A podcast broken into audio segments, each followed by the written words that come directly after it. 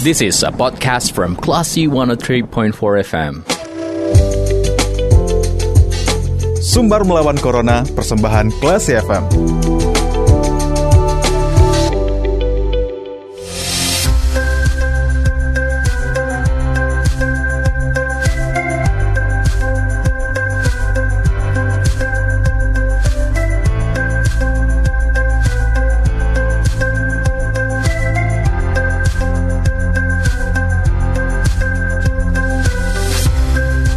Empat kelas FM bersama kita lawan Corona. Selamat sore kelas people. Kembali Anda mencermati program Sumber Melawan Corona bersama saya Faris Sardana. Nah, kelas people positivity rate uh, COVID-19 atau kasus COVID-19 di Sumatera Barat dalam angka yang cukup mengkhawatirkan. Nah, tempat-tempat karantina COVID-19 kabarnya akan dibuka kembali. Untuk membahas hal ini, kita sudah terhubung bersama Kepala Dinas Kesehatan Sumatera Barat, ada Bapak Ari Yuswandi. Assalamualaikum, selamat sore Pak Ari. Waalaikumsalam warahmatullahi wabarakatuh. Selamat sore. Gimana kabarnya Pak? Alhamdulillah baik. Alhamdulillah. Uh, terakhir kita sempat uh, mendengar atau mengetahui bahwa angka positivity rate uh, kasus COVID-19 di Sumatera Barat mencapai angka belasan. Uh, update terbaru hingga hari ini berapa uh, positivity rate atau uh, angka kasus COVID-19 di Sumatera Barat, Pak Ari? Baik, terima kasih. Jadi untuk hari ini, positif rate kita di Sumatera Barat, ini rata-rata ya. Hmm. Silakan Bapak. Ya, sebentar, sebentar. Ini lagi berproses di data ini. Ini kita lagi menghitung nih, saya lagi cek dulu ya. Hmm penambahan kasus baru ya, yang jelas penambahan kasus baru hmm. itu kita hari ini sebanyak 291 kasus baru. Hari ini ya Bapak, 291 kasus COVID-19 yang baru. Iya, 291 kasus COVID-19 yang baru. Hasil pemeriksaan laboratorium UNAN hmm. pagi itu. Baik, eh, jika dihitung positivity rate-nya apakah uh, masih uh, bisa dikatakan menurun dibanding yang sebelumnya atau seperti apa, Pak? Ya, kalau untuk positivity rate hari ini lebih menurun dibandingkan hari kemarin. Hmm. So, dibandingkan hari kemarin. Kemudian uh, Dokter Andani sempat mengingatkan uh, kita terkait dengan kondisi COVID-19 di Sumatera Barat yang berada dalam angka yang mengkhawatirkan atau dalam situasi yang mengkhawatirkan, Pak uh, apa sih langkah-langkah yang harusnya dilakukan oleh masyarakat saat ini, Pak? Atau mungkin apa ya. langkah antisipatif yang uh, sudah dilakukan oleh pemerintah Provinsi Sumatera Barat? Ya, jadi pertama sampai hari ini kita sudah mengetahui sebenarnya ya uh, penularan COVID-19 itu kan melalui droplet ya. Maka uh, salah satu upaya yang paling efektif itu um, bagaimana kita patuh terhadap protokol kesehatan, hmm. memakai masker, menjaga jarak, dan mencuci tangan pakai sabun. Bahkan kalau bisa mengurangi mobilitas dan menghindari kerumunan. Hmm. Nah ini yang sebenarnya harus terus kita giatkan dan kita tingkatkan. Hmm. Nah, kemudian salah satu upaya lainnya adalah agar juga kita mempercepat memutus rantai penularan dengan vaksinasi COVID-19. Nah, jujur atau kita harus akui bersama beberapa waktu terakhir di tahun 2021 ya Maret April ini hmm. kita lihat kecenderungan di masyarakat nah, di banyak tempat itu sudah mulai abai dengan protokol kesehatan. Hmm. Nah, dengan demikian ini berpotensi untuk uh, mudahnya terjadi penularan COVID-19 di tengah-tengah masyarakat. Hmm itu itu dinamika kita hari dan realita yang kita temukan hari ini. Nah, di pemerintah provinsi kita juga lakukan evaluasi dan kita juga mulai kencangkan nih. Kita menghimbau teman-teman kabupaten kota untuk uh, kembali apa namanya menggiatkan. Pertama tentu kita tetap meng mengedukasi masyarakat hmm. uh, supaya patuh terhadap protokol kesehatan. Kemudian yang kedua, kita juga sudah rapat itu di provinsi Satgas kita akan upayakan pen, pe, apa namanya, penegakan ya, ya, pelaksanaan Perda nomor 6 tahun 2020 tentang adaptasi kebiasaan baru. Hmm. Dia akan bersinergi antara Satpol PP, kepolisian, dan TNI seperti itu. Nah sejauh ini Pak, eh, daerah-daerah mana saja yang menonjol penyebaran COVID-19 ini di Sumatera Barat? Yang terakhir wah, hasil evaluasi kita dalam bentuk zonasi kan yang paling banyak itu di Kabupaten 50 Kota Hmm. sampai minggu yang lalu ya kan kita evaluasi per minggu Hmm. 50 kota dengan zonanya zona merah. Nah, minggu yang lalu itu kita Sumatera Barat eh, secara umum zonanya orange. Hmm. Tapi yang perlu diwaspadai adalah ada satu zona merah, ada 13 zona orange Hmm. dan 5 zona kuning. Hmm. Artinya ini eh, tingkat resikonya sudah terus eh, meningkat. Gitu. Bagaimana dengan Kota Padang, Pak Ari? Kalau Kota Padang minggu yang lalu masih pada zona kuning. Hmm.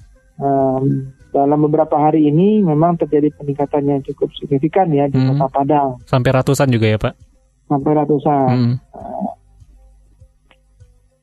Eh, kemudian klaster-klaster sekolah seperti IPDN Baso, kemudian juga eh, beberapa hari yang lalu pesantren di Kota Padang eh, kembali muncul dalam beberapa hari ini, Pak. Kemudian apa langkah-langkah yang mungkin akan dilakukan? Apakah ada semacam misalkan eh, saat ini pesantren Ramadan juga dilaksanakan, kemudian juga Hmm. proses pembelajaran dilaksanakan. Apakah ada rencana Ya. untuk menghentikan atau seperti apa nantinya, Pak? Ya, jadi kemarin sudah ada juga rapat evaluasi antara eh, Dinas eh, Pendidikan Provinsi Sumatera Barat dan jajarannya sampai ke kabupaten kota yang dihadiri juga sebagai narasumbernya Pak Dr. Dr. Andani Kaputra MSc. Nah, memang kita kembali tekankan eh, supaya mematuhi protokol kesehatan. Hmm. Jadi penyikapannya disesuaikan dengan zona di masing-masing daerah Hmm. dan juga dilihat kecenderungan penambahan kasus. Nah, itu yang sedang kita kemarin dirapatkan oleh Dinas Pendidikan Provinsi dengan jajarannya bersama dengan Dr. Andani. Hmm. Nah, bagi daerah-daerah yang memang sudah zona merah, memang kita sudah arahkan untuk eh, kegiatan-kegiatan keramaian mengumpulkan orang untuk, untuk ditiadakan. Hmm. Kalaupun pendidikan berarti dengan eh, polanya dari tidak kita tetap buka langsung. Apakah termasuk juga pesantren Ramadan, Pak? pesantren Ramadan juga begitu kalau uh, terindikasi ada uh, kecenderungan di wilayahnya itu peningkatan kasus kita arahkan untuk uh, lakukan secara daring. Hmm. Kemudian dengan banyaknya uh, pasien COVID-19 yang baru-baru ini dinyatakan positif COVID-19, bagaimana dengan tempat-tempat karantina yang sebelumnya mungkin uh, sudah uh, kita anggap masyarakat mungkin sudah menganggap bahwa uh, terjadi penurunan kasus yang cukup lumayan melegakan atau membahagiakan. Tiba-tiba saat ini kasus tiba-tiba melonjak kembali Pak Ari. Ya, Bagaimana Jadi dengan tempat karantina tersebut? Tempat karantina kita kita masih punya asrama haji. Hmm. Ya kalau memang itu segera memang dibutuhkan kita akan uh, usahakan segera dibuka kembali dan kemarin tenaganya juga kita sudah istirahatkan juga. Hmm. Artinya kalau memang iya kasusnya banyak dan masyarakat membutuhkan kembali adanya tempat karantina, uh, tentu akan kita aktifkan kembali yang di asrama haji. Hmm. Kemudian untuk kota Padang juga sudah tersedia uh, kampung nelayan ya, Hmm. yang juga sudah disiapkan oleh Pemko Padang. Jika terjadi penambahan kasus yang cukup banyak di kota Padang dan butuh tempat karantina, maka kampung nelayan juga akan dimanfaatkan kembali sebagai tempat karantina di kota Padang. Hmm. Kemudian Pak Ari, eh, saat ini ada larangan untuk pelaksanaan mudik antar provinsi, tapi eh, batas-batas antara kota dan kabupaten masih tetap dibuka. Nantinya eh, masyarakat masih eh, dalam tanda kutip diizinkan untuk melaksanakan mudik dalam kota atau antar kabupaten. Eh, Iya. kemudian bagaimana nantinya risiko yang mungkin eh, perlu diantisipasi, Pak? Dengan Iya. adanya lonjakan kasus saat ini yang cukup mengkhawatirkan. Ya. Jadi kita di Sumatera Barat eh, sekarang kan berdasarkan instruksi Mendagri 9 tahun 2021 menjadi salah satu provinsi yang menerapkan PPKM skala mikro, Hmm. pemberlakuan pembatasan kegiatan masyarakat berskala mikro. Nah, salah satu bentuk upaya dalam pelaksanaan PPKM berskala mikro tersebut adalah di masing-masing daerah sampai pada level terkecil kalau di kota mungkin sampai ada RT atau RW kalau Hmm. di kabupaten mungkin tingkat nagari atau jorong itu akan ada posko eh, PPKM mikronya Nah, situlah berkumpul berbagai elemen masyarakat, uh, pihak-pihak yang terkait di dalamnya termasuk juga TNI Polri, kesehatan gitu ya, bersama-sama itu melakukan pemantauan terhadap uh, wilayah yang ada di tempat mereka masing-masing, termasuk memantau uh, mobilitas penduduk yang ada di situ. Harapannya dengan demikian, uh, jika ada yang datang pulang kampung ya, kalau dari Padang pulang kampung ke ke Payakumbuh misalkan. Kota. Nah, ketika mereka datang kan uh, polanya mereka kan akan dipantau terus oleh uh, tim yang ada di posko PPKM Mikro yang hmm. di tempat masing-masing seperti itu. Baik. Terakhir Pak Ari, apa sih imbauan yang mungkin bisa disampaikan buat masyarakat yang saat ini seperti abai dengan pelaksanaan protokol kesehatan. Dan tiba-tiba dalam beberapa hari terakhir lonjakan kasus cukup luar biasa terjadi, ratusan yeah. orang dinyatakan positif. Uh, apa yang mungkin bisa menjadi warning buat masyarakat agar nantinya bisa benar-benar taat dengan uh, aturan-aturan dalam pelaksanaan protokol kesehatan? Ya, uh, terima kasih. Jadi pertama yang perlu diinformasikan kepada seluruh masyarakat Sumatera Barat adalah saat ini rumah sakit kita yang menjadi rujukan COVID, pasiennya sudah mulai bertambah dan meningkat. Termasuk rumah sakit M. Jamil sebagai rujukan yang ditetapkan oleh Kementerian Kesehatan. Demikian juga dengan rumah sakit Ahmad Mukhtar di Bukit Tinggi. Dan biasanya kalau sudah masuk rumah sakit, uh, penderita COVID itu dalam keadaan keluhannya sedang dan berat. Nah, ini yang kita khawatirkan apalagi jika itu terjadi pada lansia. Nah, untuk diketahui informasi buat kita semua dari 700 lebih 750 lebih kasus kematian uh, pasien COVID di Sumatera Barat dan juga seluruh Indonesia bahkan juga dunia itu dinominasi oleh um, keluarga kita, masyarakat kita yang berusia lansia. Hmm. Nah ini yang mesti kita sadari bersama-sama. Uh, artinya adalah dengan demikian, kepedulian kita, perhatian kita terhadap diri kita sendiri, terhadap orang-orang terdekat kita, terhadap orang-orang yang kita cintai ini sangat penting. Salah satunya apa? Tentu kita harus kembali kepada uh, ya. Hmm. Itu kita harus patuh kepada protokol kesehatan. Hmm. Ya, kita tidak bisa duga karena memang virus ini kan tidak terlihat ya.